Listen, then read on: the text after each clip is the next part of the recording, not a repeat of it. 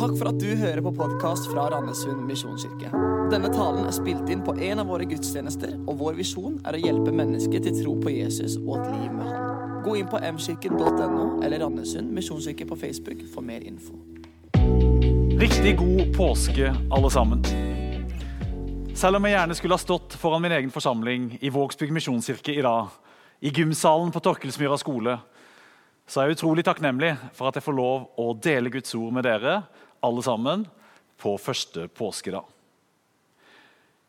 12. mars ble alt snudd på hodet. Skoler ble stengt, barnehager ble stengt, noen arbeidsplasser ble stengt ned. Det blir ikke lenger noen eh, påsketur til Syden eller på hytta. Vi bør iallfall ikke det. Og alt har endra seg. Til og med for oss som kirke så har vi måttet samles på en annen måte. Vi kan ikke lenger ha gudstjeneste på vanlig måte, og vi må være kreative i måten vi kommer sammen på. Og noen er bekymra for egen økonomi, for framtida, for hva vi kan gjøre til sommeren. Tenk at det blir en sommer uten liv og vekst. Det kan ikke jeg huske engang. Så lenge omtrent har levd, har jeg vært på liv og vekst. Det som er det aller mest alvorlige, er at mange av oss er redde fordi vi tenker på hva som kan skje med noen av våre nærmeste som kanskje er i en risikogruppe. Og Noen av de bildene vi har sett de siste ukene fra Italia og Spania, er skremmende. Mange som dør, mange som kjemper for livet, et helsevesen som sliter seg ut. I teksten vi straks skal lese, så møter vi noen kvinner som òg har fått livet helt snudd på hodet. De hadde fulgt Jesus i nesten tre år. De hadde vært i Samaria og i Galilea. De hadde sett Jesus helbrede de syke. De hadde sett Jesus bry seg om de fattige, de som var nederst på rangstien. De hadde sett han mette mange tusen mennesker med bare noen få fisk og noen brød. Og de var blitt utrolig glad i ham. Han hadde delt en kjærlighet og en nåde med dem som hadde berørt livet deres på en sånn måte at de skjønte at denne Jesus må vi følge. Det var derfor full av forventning de hadde kommet inn i Jerusalem på palmesøndag. Og De hadde sett Jesus ri inn der som en konge. Og så I løpet av noen få dager så endres alt. Jesus blir arrestert, han anklages, han dømmes. Først så blir han piska, så blir han korsfesta. Han blir håna og dør. Og Så ser jeg for meg at disse kvinnene som kommer til grava denne morgenen, de bærer på en blanding av sorg, av håpløshet, av frykt for hva fremtiden vil bringe. Hva kan skje med de nå som de har tatt Jesus?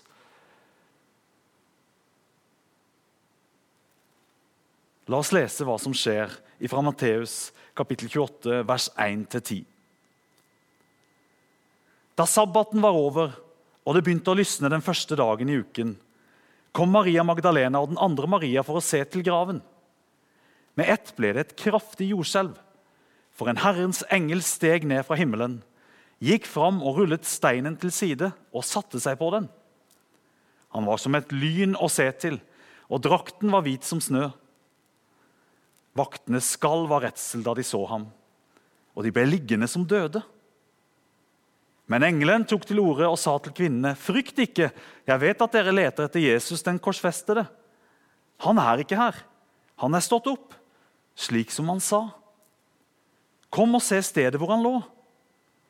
Skynd dere av sted og si til disiplene hans han er stått opp fra de døde, og han går i forveien for dere til Galilea. Der skal dere få se ham. Nå har jeg sagt dere det.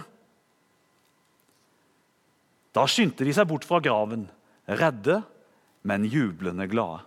Og de løp for å fortelle det til disiplene. Og se, Jesus kom mot dem og sa, 'Vær hilset.' De gikk fram og omfavnet føttene hans og tilba ham. Jesus sa til dem, 'Frykt ikke. Gå og si til mine brødre at de skal dra til Galilea. Der skal de se meg.' Kvinnene hadde håpa å få et glimt av den Jesus de hadde kjær. Selv om det bare var kroppen hans, så hadde de tatt med seg noen salver. De tenkte det skulle få det til å lukte godt i grava i en god tid framover. Og så skjer dette. Et kraftig jordskjelv. En engel som stiger ned, ruller bort steinen. Vaktene faller om som de er døde. Og grava er tom. Og ikke nok med det. På vei bort fra grava så kommer Jesus sjøl i møte med dem og hilser dem. Og Hvis vi leser Johannes evangeliet, så kan vi se at det er en hel samtale mellom Jesus og Maria Magdalena, hvor hun igjen får se den mesteren hun hadde så kjær. Men kan dette virkelig stemme? Kan vi virkelig tro på dette her i dag? Jeg mener, Er det noe de siste ukene har vist oss, så er det jo at døde mennesker blir ikke levende igjen. Nei, de fraktes bort, de legges i kister. De går ned i grava eller brennes. Døde mennesker blir ikke levende igjen. Kan det finnes andre forklaringer på dette som kvinnene opplevde? Og faktisk så er det sånn at Opp igjennom historien så er det mange mennesker som har forsøkt å komme med andre forklaringer og teorier på hva som egentlig skjedde denne første påske. da. Kanskje ikke Jesus var ordentlig død. Kanskje han var bare skinndød, i et slags koma, bevisstløs. Og så våkna han til live igjen etter en stund der inne i grava. Da må vi tenke litt på hva som egentlig hadde skjedd med Jesus før han havna i den grava. For det første hadde han blitt piska på romersk vis med 39 slag. Dette var ikke bare en sånn liten, enkel pisk som lagde noen små merker. Etter disse piskeslagene så var ryggen blottlagt, sener og muskulatur kunne ses. Det var et enormt blodtap. Faktisk var det sånn at Mange som ble dømt til korsfestelse, de nådde aldri korset fordi de døde under piskingen. Og Så henger Jesus seks timer på et kors, spikra fast. Apostelen Johannes han beskriver det som skjedde, på følgende måte. Det var helgaften, og kroppene måtte ikke bli hengende på korset over sabbaten. For denne sabbaten var en stor høytidsdag. Jødene ba derfor Pilatus om at beina måtte knuses på dem og kroppene bli tatt ned. Soldatene kom da og knuste beina, først på den ene og så på den andre som var blitt korsfestet sammen med Jesus. Da de kom til Jesus, så de at han alt var død, og de knuste ikke hans bein. Men en av soldatene stakk ham i siden med et spyd, og straks kom det ut blod og vann. Soldatene hadde aldri tatt ned Jesus ifra korset hvis ikke de visste at han var død. Det var nemlig sånn at de sto ansvarlig for at dommen ble utført. Og Hvis ikke den personen som hang på korset, var død, så gikk det på de personlige, og de måtte bøte med livet. Men kanskje disiplene eller noen andre stjal liket til Jesus fra grava og etterpå prøvde å få folk til å tro at han var stått opp fra de døde. Faktisk så spredte det seg et sånt rykte blant jødene ganske tidlig. Men liket ble aldri funnet.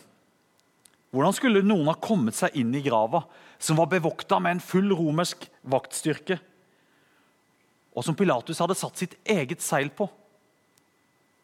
Det betydde at den som rørte ved den steinen, han måtte bøte med sitt eget liv. Og Hvorfor skulle disiplene seinere være villige til å legge livet sitt ned og dø for troa si, dersom de visste at dette var bare fake news? Men hva med disse kvinnene som kom denne morgenen? Hva om det de så, var bare noe de innbilte seg? Hva om de hallusinerte? Det er ingen tvil om at Disse kvinnene de hadde litt av en opplevelse denne morgenen. her, og Det var ganske overveldende for dem. Og Sikkert var de ganske trøtte og slitne òg, særlig etter alt som hadde skjedd på langfredag. Men da glemmer vi at de var jo ikke de eneste som møtte Jesus etter han var stått opp fra de døde. I løpet av de neste par ukene så møtte alle de elleve disiplene han flere ganger. Og Da var det ikke en slags visjon de så. Nei, De så et fysisk menneske en de kunne ta på, en de kunne spise sammen med. En de kunne se fingermerkene og merkene etter spydet i sida. Ja, faktisk så var det sånn at Paulus forteller at det på et tidspunkt var mer enn 500 mennesker som så Jesus etter hans oppstandelse på en gang. Og videre, Når vi leser historien om de første kristne, så er det mange av de som opplever og erfare at Jesus lever. Og På bare noen få tiår sprer den kristne troa seg til store deler av Romerriket. Tross stor forfølgelse, tross at mange bøter med livet. En tidligere høyesterettsjustitiarius i England, lord Darling, han sa følgende Til dens fordel som levende sannhet finnes det så overveldende bevis at ingen intelligent jury i verden kan unnlate å avgi den kjennelse at oppstandelseshistorien er sann. Hvis du spør meg, så er jeg personlig 100% overbevist om at den Jesus fra Nasaret som ble korsfesta på langfredag, han er den samme som kommer ut av graven og har stått opp på første påskedag. Jeg tror det er et historisk faktum på linje med 17. mai 1814, da vi fikk vår grunnlov. Eller 8. mai 1945, da Norge ble fritt og frigjort fra tyskerne. Og På samme måten som de historiske hendelsene forandra Norges historie for alltid, så har Jesu oppstandelse fra de døde forandra verdenshistorien for alltid. En av de som fikk oppleve å møte en levende Jesus, var min venn Stan fra Romania. I 2014 så var jeg med min familie og noen flere familier fra Vågsbygd misjonskirke og besøkte misjonsarbeidet vårt i Romania sør i Kalarashi. Og Da traff jeg Stan for første gang. Han bodde i en rønne av et hus, som dere så på bildet her. Og han kunne ikke gå. Beina hans var helt ubrukelige etter en eh, feilslått operasjon. Familien var fattig, og det var et, et ynkelig liv. Vi ble kjent med Stan. Vi fikk lov å hjelpe han. Vi fikk ordna med et nytt hus og en rullestol til han. Og Det ble han veldig fornøyd med. Og Stan begynte å tro på Jesus. Og eh, Han fikk mye lys inn i livet sitt gjennom det. Han begynte å gå i kirka der. Og Hvert år eh, når jeg var nede etter hvert med flere ganger til Romania, så besøkte jeg han. Vi ba for han. Vi ba òg for han at han skulle bli frisk. Høsten 2018 så skjer det noe med Stan. En natt han ligger og sover, så får han en drøm. I den drømmen så kommer Jesus til han og sier, 'Stan, jeg skal helbrede beina dine.' Rett etterpå så våkner han av at han ligger på gulvet ved siden av senga. Men han klarer ikke å gå. Han, reiser, han, må dra seg opp etter hendene, opp i senga igjen, og han legger seg til å sove. Men det samme skjer igjen. I en drøm kommer Jesus til ham og sier, 'Stan, jeg vil helbrede beina dine.' Det samme skjer igjen. Han våkner av at han ligger på gulvet. Men nå skjer det noe mer. Han begynner å kjenne en kribling i beina sine som øker i styrke. Og etter en stund så klarer han å reise seg opp på beina å stå. Og når jeg møter han to måneder seinere, så går han rundt sammen med barna sine. Han jobber, han smiler. Og Så forteller han meg denne historien, og så sier han Jens Kåre, jeg er helt sikker på at det var Jesus som kom og helbreda meg. Hvilken forskjell gjør det for oss i dag, for meg i dag, at Jesus faktisk har stått opp ifra det døde. Hvilken forskjell gjør det for oss alle? Ja, Det kunne vi ha holdt veldig mange prekener om, for det er det hele den kristne troen er grunnlagt på. Men i dag har jeg lyst til å løfte fram særlig to ting. For det første så trenger vi ikke å frykte døden. Døden har nemlig ikke lenger det siste ordet. Jesus overvant døden for første påskedag. Og fra den dagen så seirer alltid livet til slutt for den som tror på Jesus. Paulus han sier det på følgende måte i brevet til korintermenigheten. Men nå er jo Jesus Kristus stått opp fra de døde, som førstegrøden av dem som er sovnet inn. Fordi døden kom ved ett menneske, er også de dødes oppstandelse kommet ved ett menneske. For slik alle dør på grunn av Adam, skal alle få liv ved Kristus. Og Jesus sjøl sier det på denne måten i Johannesevangeliet. Sannelig, sannelig, jeg sier dere, den som hører mitt ord og tror på ham som har sendt meg, har evig liv og kommer ikke for dommen, men er gått over fra døden til livet. I de siste ukene har vi stadig hørt om nye dødsfall. Og jeg tenker Vi må gjøre hva vi kan, både for å hindre og spre smitte, for å hjelpe de som er syke, for å trøste de som mister noen, og for å sørge for å ha et helsevesen som kan hjelpe så mange som mulig. Men samtidig så trenger vi ikke å la oss lamme av frykten for døden. Jesus har nemlig beseira den. For den som tror på Jesus, så er ikke døden det siste. Det er livet. Livet hos han er sterkere enn dødskreftene. For den som tror på Jesus, er døden bare et komma. Etter døden kommer mer liv sammen med Jesus i et rike som er fritt for smerte, som er fritt for all covid-19-smitte og alt annet vi måtte forbinde med denne verden som ikke er godt. Et rike i himmelen. Og For det andre så trenger vi ikke å frykte for å måtte møte noen situasjon i livet her og nå alene.